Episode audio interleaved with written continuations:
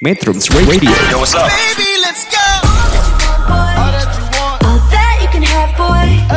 Got me spread like a buffet. Bon Now bon they always say congratulations. Come on, strip that down for me. I'm on my way. Girl, come on, strip that down for me. Yeah, yeah, yeah, Metrums yeah. Radio Media terintegrasi kaum muda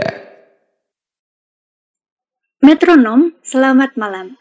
Berjumpa kembali di acara Arah Pandang, Bincang Ideologi dan Politik Internasional, edisi Kamis, 10 Februari 2022, dari radio online Metrum Bandung di bilangan Jati Handap Bandung.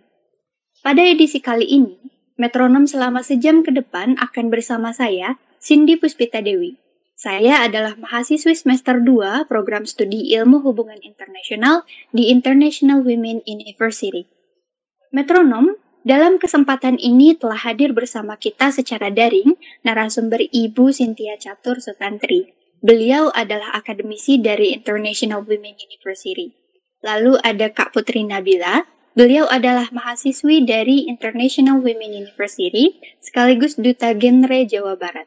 Selamat malam Ibu Catur dan Kak Putri, apa kabar? Selamat malam Kak Cindy dan Sobat Metronom. Alhamdulillah sehat-sehat. Selamat malam Kak Cindy, Metronom semuanya. Alhamdulillah. Baik, terima kasih atas kehadirannya di arah pandang. Metronom, Ibu Catur dan Kak Putri akan berkisah tentang pernikahan anak, tradisi, dan patriarki bagi kaum perempuan.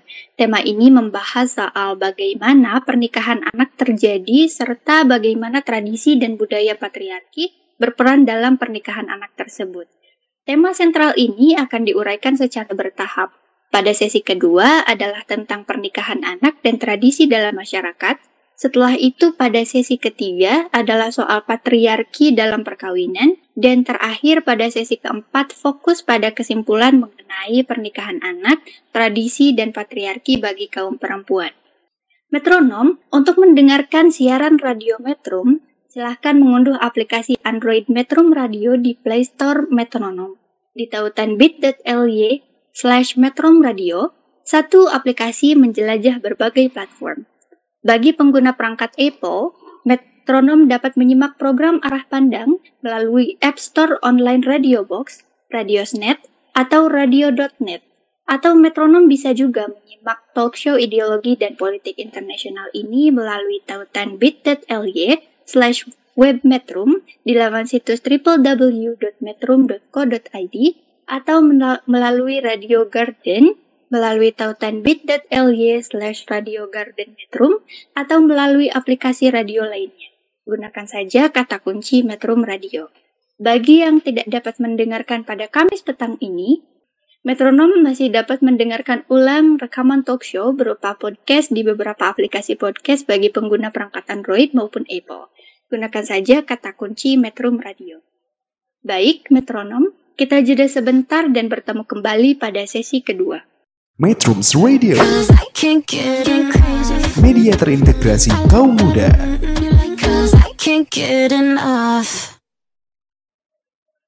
Metronom, saat ini kita berada di sesi kedua arah pandang, bincang ideologi dan politik internasional. Nah, Kak Putri, mengingat pernikahan anak ini masih marak terjadi di berbagai tempat, khususnya di Indonesia. Bagaimana pandangan Kak Putri mengenai pernikahan anak dan dampaknya yang dapat terjadi dalam masyarakat? Baik, terima kasih Kak Cindy pertanyaannya. Menarik banget ya hari ini kita bakal bahas mengenai pernikahan anak nih. Gimana sih dampaknya teh gitu. Nah, sebelum ke sana, mungkin kita harus mengulas kembali dulu ya apa sih itu perkawinan gitu pernikahan. Nah, perkawinan itu merupakan salah satu budaya sin dan bagian dari siklus hidup manusia. Kadang hal ini tuh menjadi dasar landasan nih bagi manusia untuk terbentuknya suatu keluarga. Nah, keluarga itu apa sih? Keluarga itu sekelompok individu yang ada hubungannya gitu, hidup bersama dan juga bekerja sama dalam satu unit. Ini disebut sebagai kelompok primer dalam masyarakat. Nah, kehidupan dalam kelompok tersebut uh, bukan secara kebetulan ya, tetapi diikat oleh hubungan darah atau perkawinan. Nah, hal ini seperti ditegaskan oleh Donald Like, uh, beliau menyebutkan A family as two or more person living together and relate by blood, marriage or adoption. Jadi artinya tuh keluarga adalah kehidupan bersama dari dua orang atau lebih yang diikat oleh hubungan darah, perkawinan, atau adopsi. Kemudian, kalau kita mengacu pada undang-undang, uh, undang-undang perkawinan anak, itu ada yaitu nomor 1 tahun 1974 pasal 1. Pernikahan itu adalah ikatan lahir batin antara seorang pria dengan seorang wanita sebagai suami istri dengan tujuan membentuk keluarga yang bahagia dan kekal berdasarkan ketuhanan yang Maha Esa. Nah, adapun tujuan pernikahan. Tujuan pernikahan ini terbagi menjadi tiga, kalau kita ingat-ingat lagi, yang pertama sebagai bentuk ibadah, yang kedua mendapatkan keturunan, yang ketiga memperluas ikatan kekeluargaan dan solidaritas kelompok serta fungsi sosial. Nah, setiap akhir tahun, metronom, aktivis perempuan, organisasi perempuan, masyarakat sipil, dan instansi pemerintah melaksanakan berbagai kegiatan untuk memperingati Hari Anti Kekerasan Terhadap Perempuan atau HAKIP gitu ya, yang jatuh pada 25 November. Peringatan HK HAKTP maaf berlangsung selama 16 hari hingga pada 10 Desember yang merupakan Hari Hak Asasi Manusia atau HAM. Nah, pada tahun 2018 tema peringatan HAKTP ini adalah stop perkawinan anak. Artinya, pilihan tema tersebut emang sangat tepat pada saat itu, hingga saat ini ya. Karena apa? Karena perkawinan anak atau pernikahan anak merupakan salah satu bentuk kekerasan terhadap perempuan dan juga anak. Yang juga kemudian melahirkan bentuk kekerasan baru terhadap perempuan dan anak. Kekerasan tersebut berlangsung dan ini dilestarikan gitu, sehingga menjadi suatu yang diterima oleh masyarakat. Akhirnya masyarakat menganggap lumrah. Nah, mengawinkan anak di bawah usia yang seharusnya sewajarnya atau di bawah 18 tahun ini bisa menjadi tradisi lama apalagi di Indonesia ya sudah menjadi tradisi yang berlangsung sejak saat dulu hingga saat sekarang gitu. Nah dalam perjalanannya tradisi ini nggak bisa dipertahankan gitu. Pasalnya berbagai data dan fakta membuktikan bahwa mengawinkan anak hanyalah menyiapkan lingkungan yang tidak kondusif bagi perkembangan perempuan dan juga anak-anak. Anak-anak dipaksa menjadi seorang orang tua dari sejak dini Padahal mereka belum siap dari sisi apa pun gitu. Indonesia merupakan salah satu negara dengan jumlah perkawinan anak yang sangat tinggi. World Fertility Policy United Nation pada 2011 menempatkan nih Indonesia di urutan ke-37 dari 73 negara dengan perkawinan anak tertinggi di dunia. Sedangkan di Asia Tenggara, Indonesia merupakan negara kedua setelah Kamboja dengan perkawinan anak tertinggi. Sementara Pusat Kajian Gender dan Seksualitas Universitas Indonesia pada tahun 2015 menyebutkan sekitar 2 ta 2 juta perempuan Indonesia di bawah 15 tahun sudah menikah dan putus sekolah, teman-teman. Teman-teman Metrom. Ini mengerikan sekali ya. Nah, menurut Badan Pusat Statistik atau BPS juga memperkirakan sekitar 1000 anak perempuan dikawinkan setiap harinya. Nah, data tahun 2018, Indonesia tercatat sebagai negara peringkat ketujuh dunia dan kedua di Asia Tenggara sebagai negara dengan tingkat pernikahan anak tertinggi. Berarti hal tersebut semakin menjadi dan semakin menjadi perhatian gitu karena situasi pandemi saat ini malah mendatangkan lonjakan kasus pernikahan anak teman-teman. Nah, data dari Pengadilan Agama Nasional tercatat nih, ada 35 ribu permohonan dispensasi menikah yang akhirnya menyumbangkan apa? Menyumbangkan angka pernikahan dini di Indonesia, teman-teman. Bayangin usianya harusnya usia sekolah, tapi mereka mengajukan dispensasi untuk menikah, teman-teman. Nah, di Sulawesi, di Sulawesi Selatan kita lihat lagi. Angka perkawinan anak cukup tinggi karena berada di atas rata-rata nasional. Metronom harus tahu, perkawinan anak usia kurang dari 15 tahun di Sulawesi Selatan itu mencapai 6,7 persen. Sedangkan rata-rata nasional berapa? Rata-rata nasional ada di 2,4 persen. Sementara untuk pernikahan anak usia 15 sampai 19 tahun, angkanya mencapai 13,86 persen atau lebih tinggi dari angka nasional. Padahal angka nasional itu menyebutkan hanya 10 sampai 80 persen gitu. Nah, kasus pernikahan anak ini berarti banyak terjadi di Kabupaten uh, Bantaeng di Sulsel terutama. Sempat viral pada saat itu pada tahun 2018 saat saat Fitrah usianya baru 14 gitu ya. Sementara Samsudin nih ya 16 tahun menikah. Nah, itu viral waktu itu. Informasi terakhir saat ini kedua anak ini sehingga berhenti sekolah dan menjadi buruh serabutan metronom. Nah, kalau kita lihat lagi dari jumlah perempuan yang menikah, dihitung berdasarkan usia hingga 18 tahun, maka angkanya pasti lebih tinggi. Di Indonesia, di Indonesia usia per, pernikahan perempuan adalah 16 tahun ya teman-teman, sebagaimana diatur dalam undang-undang perkawinan kita, yaitu Undang-Undang Nomor 1 Tahun 1974. Sehingga perkawinan pada umur tersebut legal secara hukum. Artinya apa? Artinya hukum di Indonesia sudah melegalkan perkawinan anak gitu ya. Nah, pernikahan anak memberikan dampak. Dampak pada kesehatan, teman-teman. Metrom. Nah, teman-teman metronom tahu nggak eh, dampak dari kesehatan fisik itu apa? Yaitu dampaknya bisa mengakibatkan terjadinya komplikasi. Dampak psikisnya apa? Dampak psikisnya tidak siapnya mereka dalam menghadapi kehamilan pertama, cenderung mengalami banyak konflik dalam keluarga, tidak mampu mewujudkan yang diinginkan karena terhambatnya adanya status pernikahan, teman-teman. Yang tadinya punya cita karena mungkin ada yang marriage by accident, seperti eh, hamil di luar nikah, akhirnya mereka harus berhenti sekolah. Kemudian dan belum bisa maksimal dalam menjalankan peran sebagai ibu yang mengurus anak dan mengurus rumah tangga. Kemudian dari dampak sosial nih ya, Kak Cindy dan teman-teman metronom yang lain, itu ya pertama, kurangnya hubungan yang harmonis dengan tetangga dan masyarakat sekitar. Karena teman-teman kita uh, lihat ya di Indonesia Indonesia itu masih banyak diskriminasi terhadap perempuan yang uh, nikah di bawah umur gitu, seperti mereka uh, di awang tetangga atau mereka menjadi bahan-bahan bulanan gitu ya.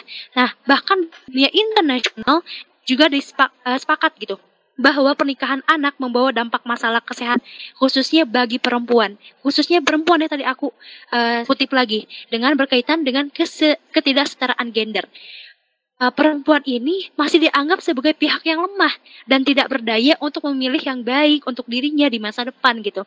Selain itu, perempuan masih diasumsikan sebagai pihak yang bertanggung jawab penuh dalam mengasuh anak teman-teman. Nah, apa sih uh, dampak gitu ya dari adanya pernikahan uh, dini ini gitu ya. Oke, menurut undang-undang tadi kan nomor 1 tahun 1974 pasal 7 nih, syarat umur untuk menikah di Indonesia itu bagi pihak pria minimal 19 tahun dan bagi pihak perempuan minimal 16 tahun. Pernikahan usia muda adalah pernikahan yang dilakukan oleh remaja di bawah 20 tahun, teman-teman ingat. Di bawah 20 tahun yang berarti mereka belum siap secara fisik atau psikis gitu untuk melaksanakan pernikahan. Pernikahan yang dilakukan di bawah 20 tahun ini menyebabkan banyak masalah yang tadi aku sebutkan, masalah fisik, psikis, dan juga sosial. Nah, kalau kita melihat dari prakteknya gitu ya, sobat metronom, praktek pernikahan dini ini sering dipengaruhi oleh apa? Tradisi lokal. Sekalipun ya ada ketetapan undang-undang yang melarang pernikahan dini, tapi ternyata tetap pada real nyatanya di masyarakat itu masih ada ternyata fasilitas dispensasi di pengadilan agama dan juga kantor urusan agama sering memberikan dispensasi jika mempelai wanita ternyata masih di bawah umur. Nah, dalam hal tujuan pernikahan sebagai fungsi sosial, di dalamnya terdapat adat istiadat atau tradisi yang dijalankan gitu. Nah, metronom sebagai contoh nih, seorang anak perempuan asal Tegal Dowo gitu ya, Rembang Jawa Tengah, pertama kali dijodohkan oleh orang tuanya pada usia 19 ta eh, usia 11 tahun, maaf. Nah, kuatnya tradisi turun-menurun membuatnya nggak mampu gitu menolak gitu.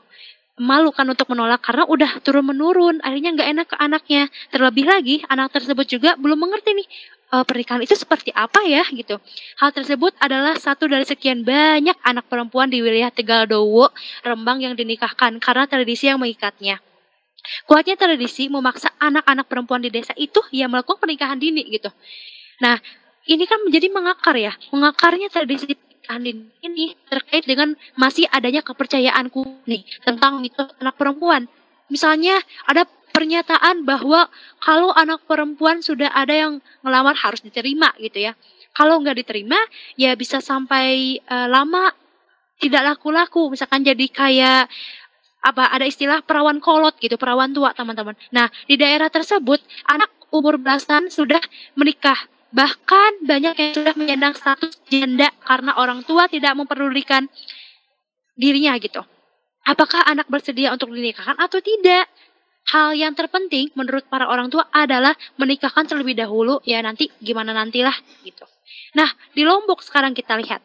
Di Lombok suku Sasak teman-teman mempraktikkan kawin lari ini. Parah ya. Kawin lari ini bagi masyarakat itu eh, pada umumnya kawin ini dianggap nyimpang gitu. Namun bagi pelaksanaan adat, hal tersebut adalah hal yang biasa gitu lumrah. Maka tidak jarang unsur pemaksaan itu terjadi dalam bentuk adat yang terlembagakan. Nah, dari survei tentang kawin lari pada masyarakat Sasak, mayoritas menyebutkan kawin lari hanya formalitas adat di mana kedua calon mempelai sudah sama-sama tahu bahwa putrinya akan diculik. Namun faktanya gitu ya, di lapangan banyak loh orang tua yang tidak tahu sehingga reaksi yang muncul ya kaget, marah dan menangis. Sebetulnya orang tua yang putrinya dilarikan itu boleh loh menolak dengan alasan misal ingin menyelesaikan sekolah atau belum cukup umur.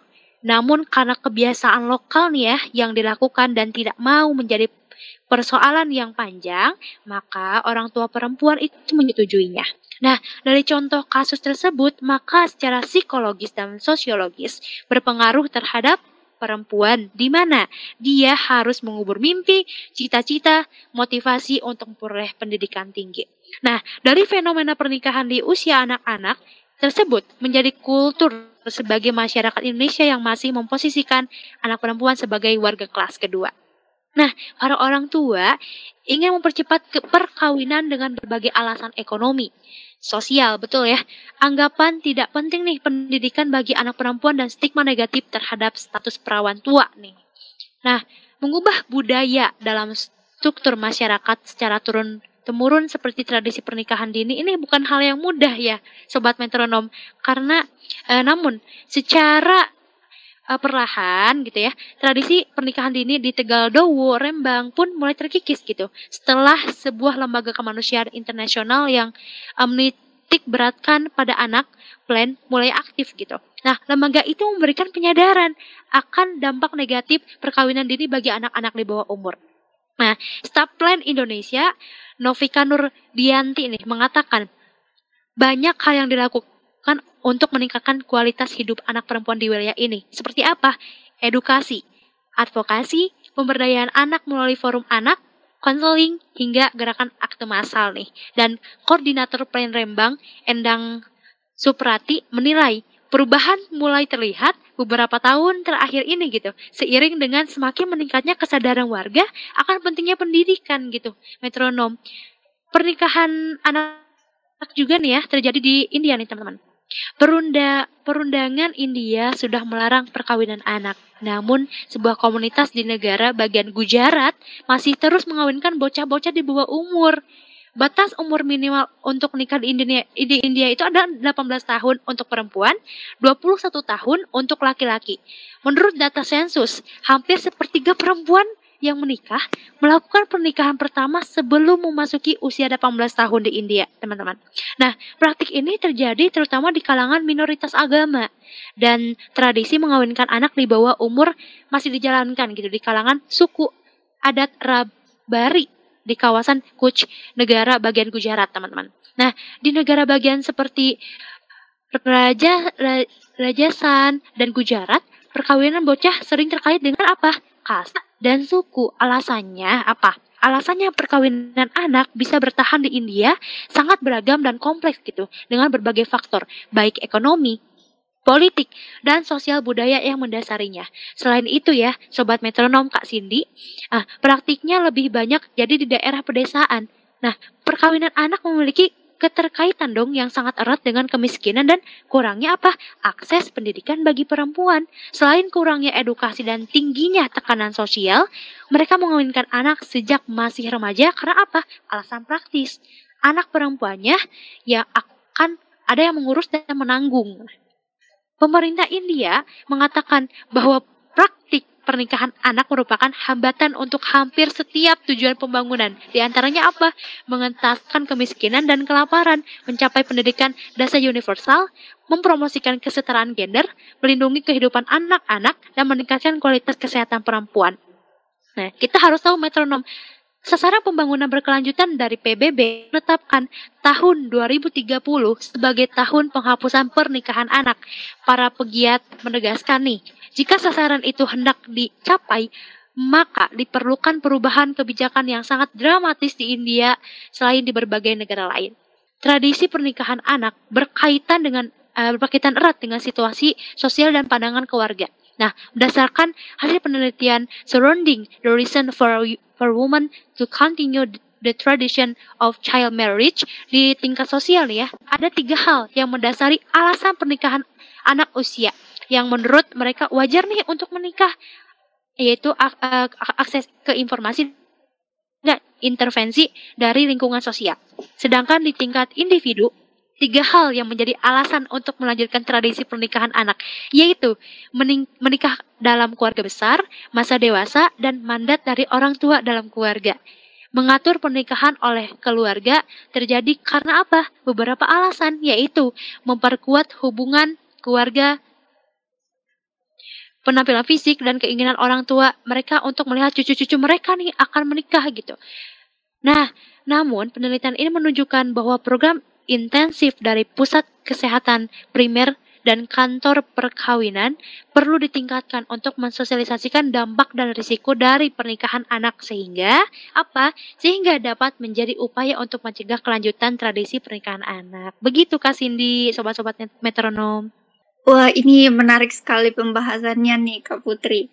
Nah, dari penjelasannya Kak Putri tadi, Uh, saya nih menangkap beberapa hal penting yang emang perlu digarisbawahi ya, bahwa perkawinan anak ini justru menimbulkan kekerasan baru terhadap perempuan dan anak. Sedangkan di Indonesia sendiri, pernikahan anak itu sudah menjadi tradisi lokal, di mana hal tersebut dapat terlihat dengan uh, tingkat pernikahan anak yang cukup tinggi, khususnya di wilayah Sulawesi Selatan seperti itu ya Kak Putri.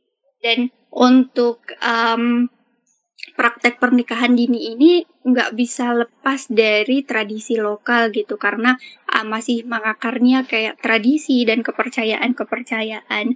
Hal ini juga bisa dilihat contohnya di salah satu negara nih di India bahwa mereka memang masih terikat dengan uh, tradisi dan keagamaan gitu. Tentu saja hal tersebut juga berdampak pada uh, psikis lalu uh, sosial dan kesehatan dari perempuan dan anak juga seperti itu ya Kak Putri ya. Iya betul sekali Kak Cindy. Um, nah, baik metronom, dua hal tadi uh, penting bagi kita untuk mengetahui soal pernikahan anak, tradisi, dan patriarki bagi kaum perempuan. Usai ini, selanjutnya di sesi ketiga, metronom akan lebih jauh diajak mengenai memahami mengenai patriarki dalam perkawinan. Metronom, demikian sesi kedua berlalu, jangan ke mana-mana dulu, sampai jumpa di sesi ketiga. Metrums Radio. Media terintegrasi kaum muda.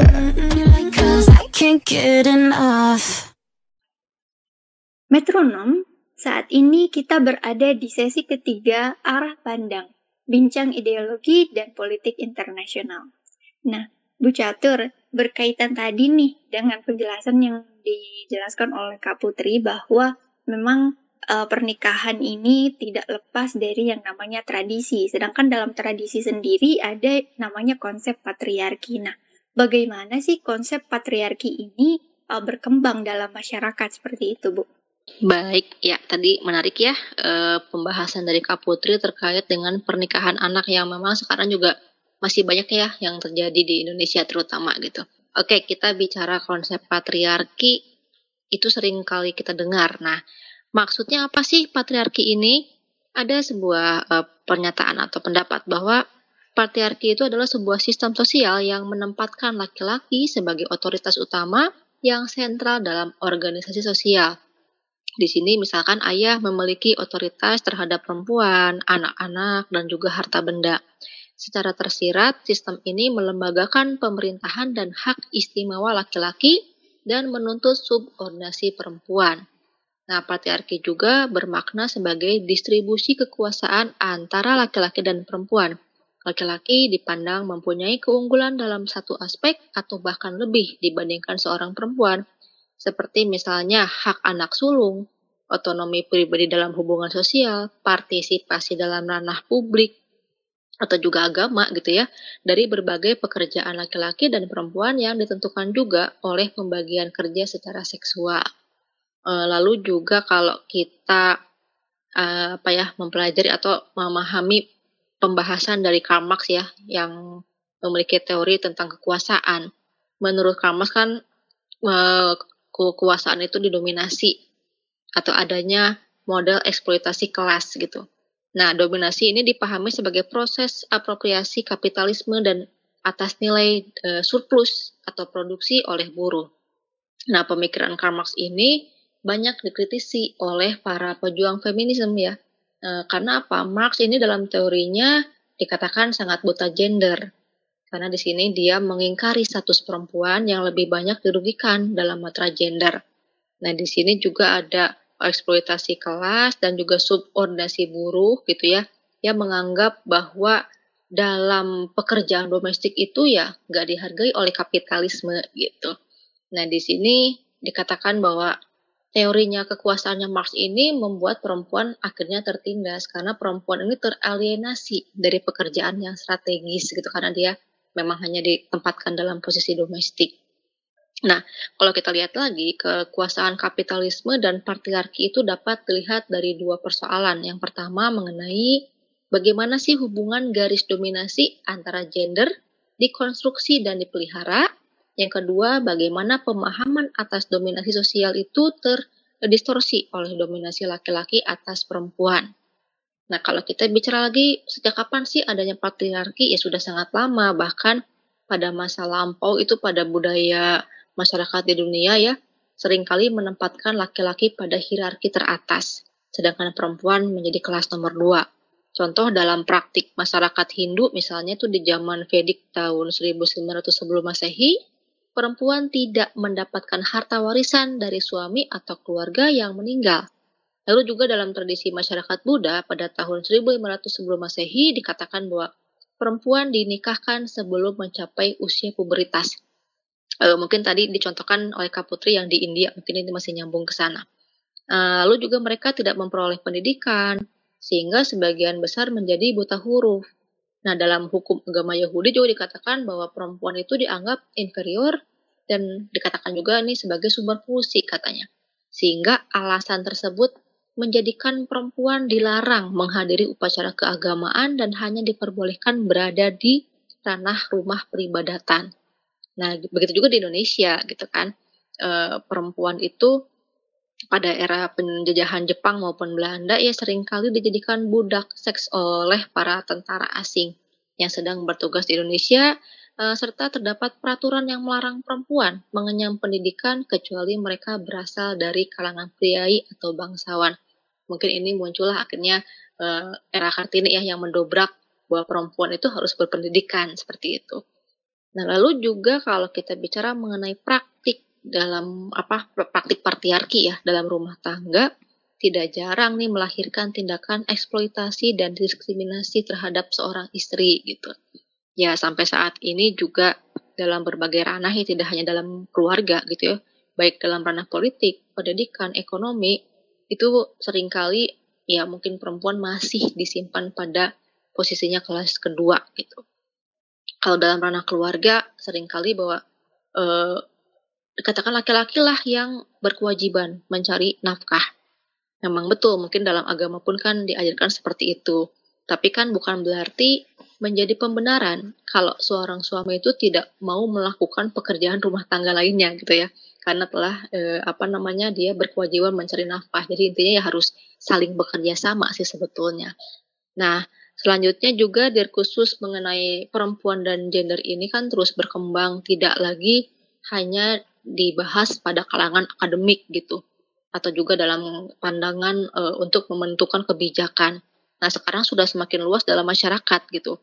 Setiap ada kasus kekerasan terhadap perempuan pasti jadi viral. Ya jadi viral di kalangan masyarakat ya karena sekarang kan banyak perempuan juga yang mulai speak up gitu saat dia tertekan oleh kasus-kasus dalam rumah tangganya karena konsep patriarki tadi dia lapor ke polisi, dia upload di media sosial sehingga sekarang ramai gitu ya di mana-mana. Contoh kasus kemarin juga ada yang menyeramkan juga ya ada mantan suami yang membunuh istrinya bahkan itu di tempat umum di sekolahan itu kan ya serem juga gitu intinya. Jadi sih kalau kita bicara mengenai konsep patriarki dalam masyarakat yaitu masih sangat kental di Indonesia. E, tinggal kita nih perempuannya mau berani speak up nggak kepada masyarakat kalau dia menjadi korban dari kekerasan tersebut yang dihasilkan dari adanya konsep patriarki. Gitu mungkin Kak Cindy dan para sahabat metronom. Menarik sekali nih Bu. Uh, kan tadi Ibu uh, dalam penjelasan Ibu sendiri uh, menjelaskan bahwa konsep patria patriarki ini sangat kental gitu di masyarakat Indonesia. Nah, sedangkan uh, di masyarakat Indonesia sendiri pernikahan anak ini masih sangat sering terjadi. Lalu bagaimana sih Ibu konsep patriarki dalam pernikahan anak sendiri? Oke, baik, kita nyambung lagi ya. Uh, tadi mungkin saya sedikit mengulas sedikit tadi dari Kak Putri kan dikatakan bahwa tingkat pernikahan dini di Indonesia itu cukup tinggi, bahkan kedua di Asia Tenggara gitu ya. Dan ini juga diperkirakan sih katanya ya akan meningkat nih jadi sampai 3 juta tahun di tahun 2030.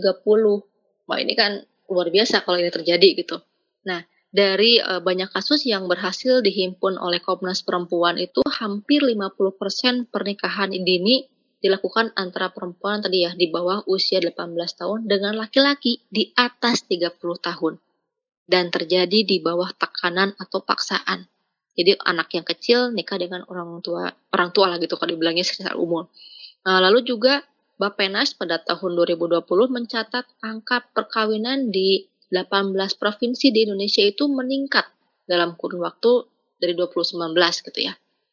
Ada tiga provinsi nih di Indonesia yang mencatat kenaikan yang cukup tinggi gitu ya. Itu di Kalimantan Selatan, dia naik 3,54 persen, di Jambi naik 2,07 persen, dan di Papua Barat naik 2,04 persen.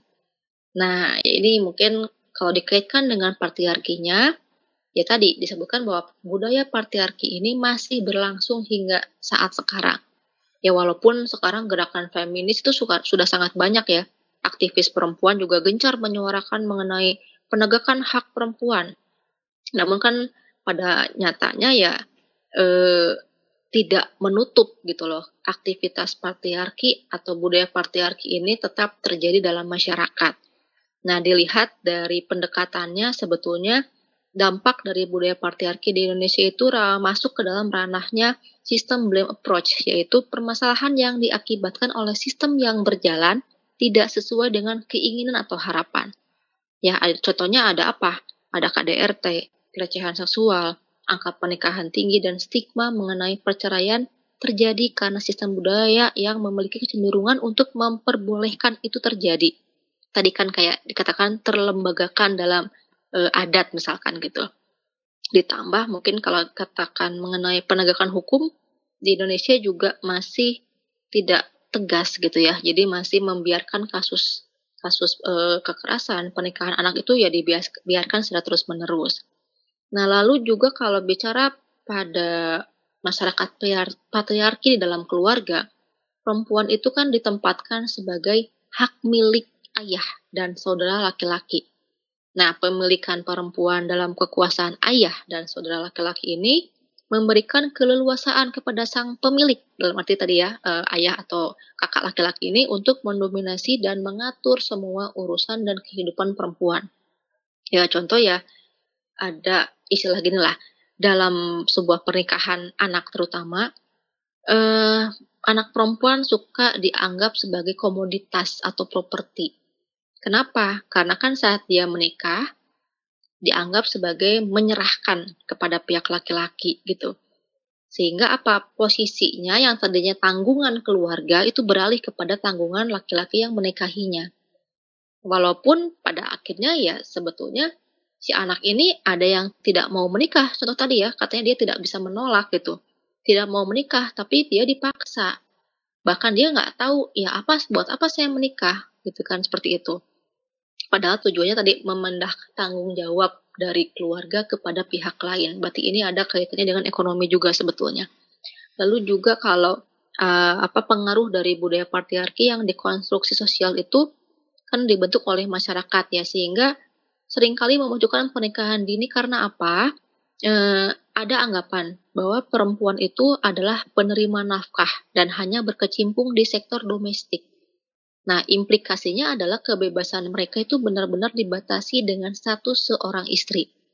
E, seperti misalkan mereka jadinya kan tidak bisa melanjutkan pendidikan yang lebih tinggi gitu.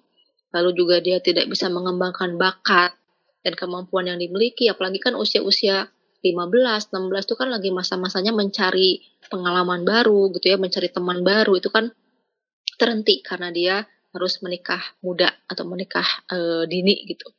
Nah, lalu juga kalau melihat beberapa kasus gitu banyak yang setelah menikah itu si anak perempuan tuh malah menjadi ya pekerja ya buruh-buruh gitulah karena kan dari segi pendidikan memang kurang. Ya akhirnya dia kalaupun bekerja hanya menjadi buruh lepas gitu ya uh, uh, pencuci pakaian di tempat orang dan lain sebagainya. Nah, sedangkan laki-lakinya yang tadinya diharapkan bisa memberikan uh, nafkah bagi perempuan, ya karena tadi usia belum mumpuni, kemampuan tidak punya, pendidikannya rendah, ya dia juga akhirnya hanya bisa menjadi buruh lepas yang ya mungkin penghasilan juga tidak seberapa. Nah, eh, budaya patriarki yang sudah ada sejak lama itu bukan berarti harus dilestarikan gitu ya. Karena kan pada akhirnya dengan adanya budaya patriarki yang tidak terkontrol itu menyebabkan kekerasan dalam rumah tangga. Apalagi terhadap anak gitu ya. Anak-anak yang menikah di usia dini itu masih sangat labil kalau kita bilang. Yang sehingga sebetulnya e, budaya patriarki ini harus dikikis atau ya sedikit dihilangkan dengan adanya kerjasama dan komunikasi antara laki-laki ataupun perempuan dalam sebuah rumah tangga e, sehingga bisa menghasilkan yang namanya itu menghargai kesetaraan gender atau perbedaan gender.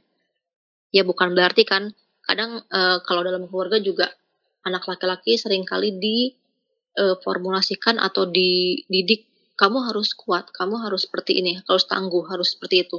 Nah, cuman kan sebetulnya aktivitas sehari-hari life skill itu kan keduanya harus bisa memasak, mencuci piring, mencuci pakaian kan laki-laki juga harus bisa gitu. Gimana kalau nanti udah gede dia ke kos kan tetap harus bisa. Sehingga ya e, tetap harus diajarkan mengenai pembagian tugas tersebut gitu. Lalu kalau saya lihat dari bukunya Dinamika Gender dan Pengelolaan Kekayaan Alam karangan eh, Linda Yuliani ini disebutkan bahwa budaya patriarki yang masih terjadi di dalam masyarakat ini membuat posisi perempuan menjadi terpojok dalam kasus pernikahan dini. Karena mereka tidak memiliki kebebasan untuk melakukan penolakan. Ya, ya tadi kembali ke masalah adat. Di beberapa adat ya perempuan nikah muda itu sudah biasa. Ya, jadi kalau dia menolak maka akan dianggap hina, tidak tahu diri, memalukan keluarga seperti itulah.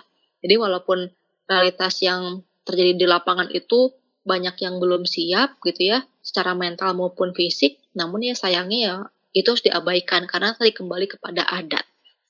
Lalu juga uh, saya baca dari buku Kawan dan Lawan Kawin, anak oleh rumah kita bersama itu yang dibuat oleh rumah kita bersama, ada penelitian yang menyebutkan bahwa ada anak yang menikah di usia 12 tahun.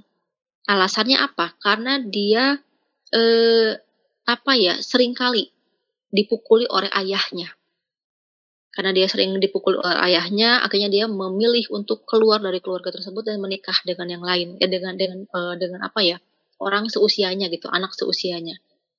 Di usianya yang masih 12 tahun, tinggi dan beratnya masih belum mencukupi gitu ya, dia sudah memiliki bayi usia 6 bulan. Sedangkan suaminya ya tadi bekerja sebagai buruh harian. Ini ya bayangkan usia 12 tahun sudah punya anak. Memang di sana sudah biasa, tapi kan itu efeknya psikologis, eh, fisik juga ternyata rusak gitu. Nah, ya inilah yang memang terjadi di dalam masyarakat mengenai budaya patriarki yang pada akhirnya juga memberikan beban ganda bagi seorang istri gitu. Apalagi e, kalau tadi suaminya belum mumpuni untuk memenuhi kebutuhan keluarga istrinya kan harus ikut campur tangan juga untuk bekerja. Sedangkan di rumah juga dia memiliki tugas mengerjakan pekerjaan domestik dan juga mengasuh anak gitu. Dan efeknya dari patriarki ini ya tadi sering kali memunculkan KDRT. Ini yang sangat jelas terjadi dalam masyarakat gitu. Kecenderungannya sangat e, besar sekali. Tapi kalau kita kembalikan lagi ke eh, apa namanya posisi kesetaraan gender atau juga eh, apa namanya pemberdayaan perempuan seharusnya itu tidak terjadi dan eh, pemberian edukasi yang lebih luas terhadap anak-anak maupun keluarga itu penting. Ya bahwa pernikahan anak ya harus dicegah karena efeknya sangat panjang gitu. Ya mungkin dulu dia berpikir bahwa saya juga dulu nikah muda nggak apa-apa kok gitu. Tapi kan semakin ke sini posisinya sangat berbeda gitu ya. Kebutuhan hidup juga semakin eh, variatif dan juga penilaiannya juga nilainya semakin tinggi. Sehingga itu kalau bisa dihindari lah. Mungkin itu kak Cindy eh, dan sahabat metronom. Wah, menarik sekali nih Bu penjelasannya. Dari penjelasan Bu Catur tadi nih makin menambah pengetahuan kita ya mengenai uh, patriarki dalam perkawinan. Nah, dari penjelasan tadi juga setidaknya ada dua hal penting yang uh, saya raih dari uh, paparannya Bu Catur nih. Yang pertama adalah bahwa praktek patriarki ini ternyata masih tetap terjadi gitu dan uh, nggak jarang praktek tersebut justru malah membuat perempuan uh, sering terstigmakan gitu.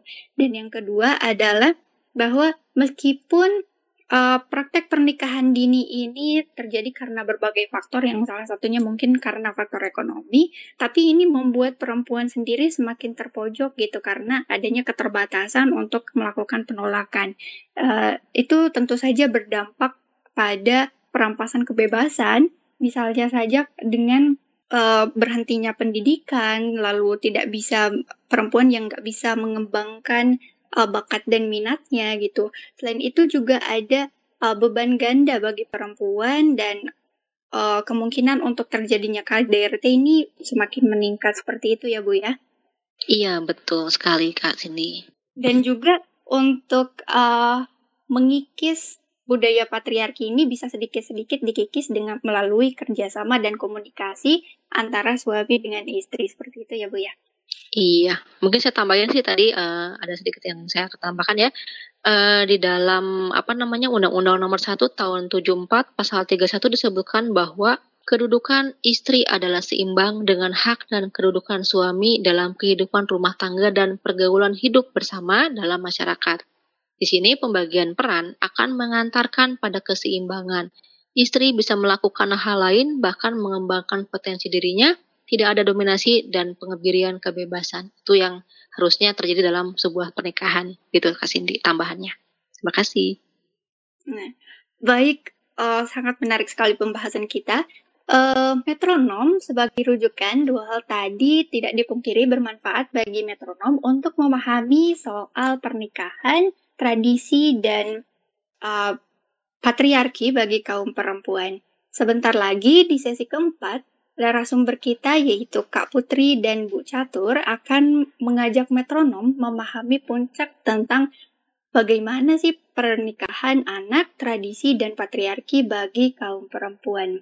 Metronom, demikian sesi ketiga berlalu. Sampai jumpa di sesi keempat. Metrums Radio, media terintegrasi kaum muda. Metronom, tibalah kita di penghujung acara. Ini merupakan sesi keempat arah pandang, bincang ideologi dan politik internasional. Nah, eh, tadi ada penjelasan yang cukup menarik nih dari Bu Catur bahwa dalam kehidupan rumah tangga pun sistem patriarki ini masih sangat kental gitu. Masih ada eksploitasi dan diskriminasi, selain itu juga ada dominasi. Eh, selain itu juga ada anggapan bahwa perempuan ini adalah properti yang merupakan hak pilih ayah atau saudara laki-lakinya. Nah, bagaimana sih pandangan Bu Catur mengenai hal tersebut? Baik, terima kasih Kak Cindy. Ya, eh, mungkin munculnya patriarki ini kan konstruksi sosial dari masyarakat gitu ya. Jadi, kenapa sih muncul eh, budaya patriarki ini di dalam masyarakat atau praktik patriarki ini dalam sebuah eh, rumah tangga atau keluarga? Mungkin kita sering kali eh, ada peran dari orang tua atau keluarganya sendiri kita sejak kecil distigmakan bahwa anak laki-laki itu misalkan harus tangguh, maco, jagoan, tahan banting gitu. Nah ini kan satu sisi ajaran ini men, apa ya membentuk gitu seorang laki-laki menjadi lebih siap menantang masa depan. Itu positifnya. Namun kan di sisi lain, justru karena dia merasa lebih kuat dari perempuan, nah otoritas terhadap perempuan juga menjadi lebih tinggi gitu. Sehingga ia merasa bahwa perempuan itu secara fisik maupun psikis dirasa lebih rendah. Nah, ini juga uh, pada akhirnya uh, apa ya terprak dipraktikan lah dalam masalah rumah tangga gitu sehingga uh, ada dibangunlah bahwa dirinya itu sebagai seorang suami harus mendominasi istri. Lalu yang kedua juga mengenai konstruksi masyarakat terhadap sosok laki-laki dan perempuan. Ya kan pada masyarakat di umumnya gitu ya, berpandangan bahwa laki-laki haruslah menanggung kehidupan perempuan. Misalnya kalau ada laki-laki yang gajinya lebih kecil dari perempuan itu dianggap malu-maluin kayak gitu-gitu. Ya, jadi ada anggapan bahwa akhirnya perempuan tidak boleh lebih tinggi sekolahnya dari laki-laki. Karena apa? Dia bertanggung jawab untuk memenuhi atau menanggung biaya hidup perempuan. Nah ini juga nggak gitu juga sebetulnya konsepnya kadang harus bekerja sama tadi ya ada kerjasama, ada eh, apa namanya saling mengisi, saling melengkapi itu intinya seharusnya agar apa laki-laki juga tidak ditekan oleh konstruksi sosial gitu. Karena kan beban laki-laki akan menjadi besar jika memang dia terus-terusan dikonstruksi harus menjadi eh, apa namanya penanggung misalkan seperti itu.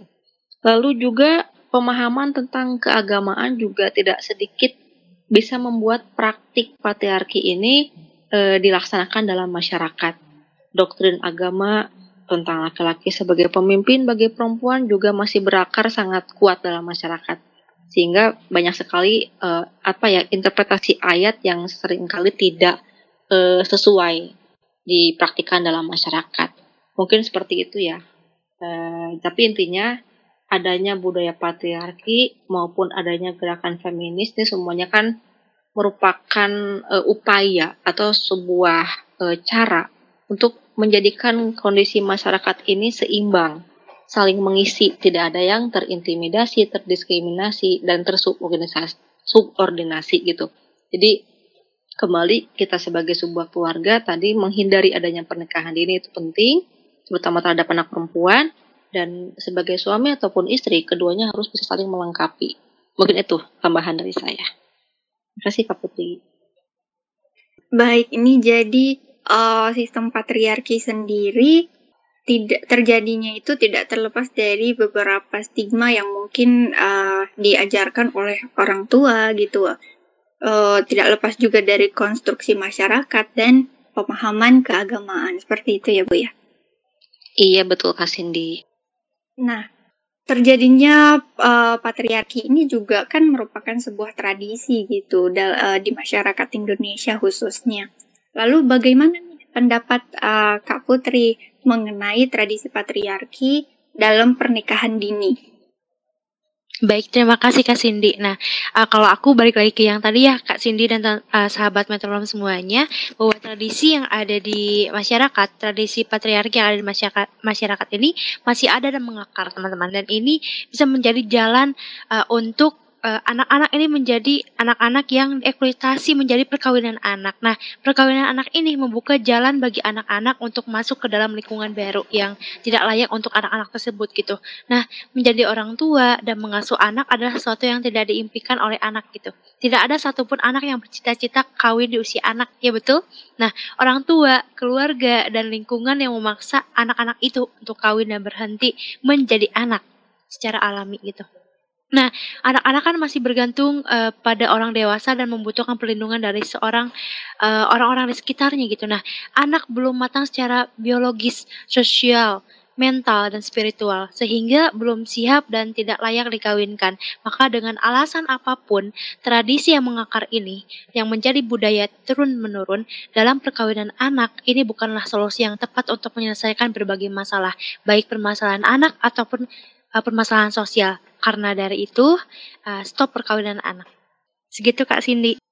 Baik, dari penjelasan tadi nih, uh, kita bisa menyimpulkan bahwa perkawinan anak ini justru membuka jalan masuk bagi anak uh, untuk ke, masuk ke lingkungan baru yang justru belum layak untuk mereka masuki karena memang belum ada kesiapan secara biologis maupun mental. Selain itu juga uh, pernikahan anak ini apa pun alasannya tidak bisa dijadikan sebagai solusi yang tepat seperti itu ya Putri ya.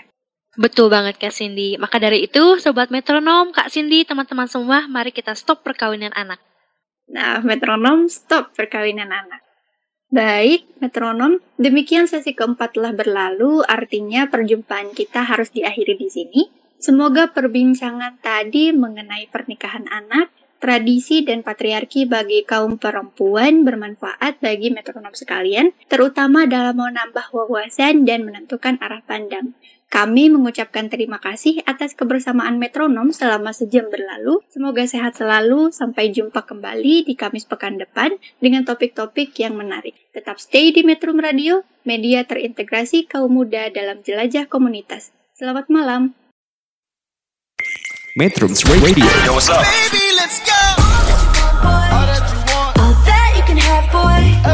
Got me spread like a buffet, bon now. Now they always say congratulations. Come on, strip that down for me. I'm on my way. Girl, come on, strip that down for me. Yeah, yeah, yeah, yeah. Radio Media terintegrasi kaum muda